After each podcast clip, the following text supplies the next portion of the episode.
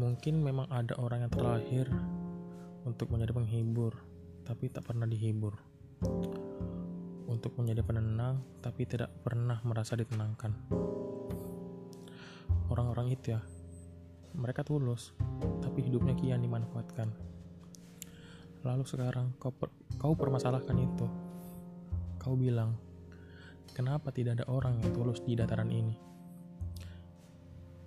Jawabku, mereka ada, tapi, tapi tidak pernah dihargai, selalu disia-siakan.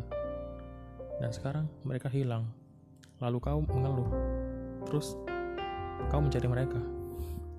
Otak, di mana otakmu? Bodoh.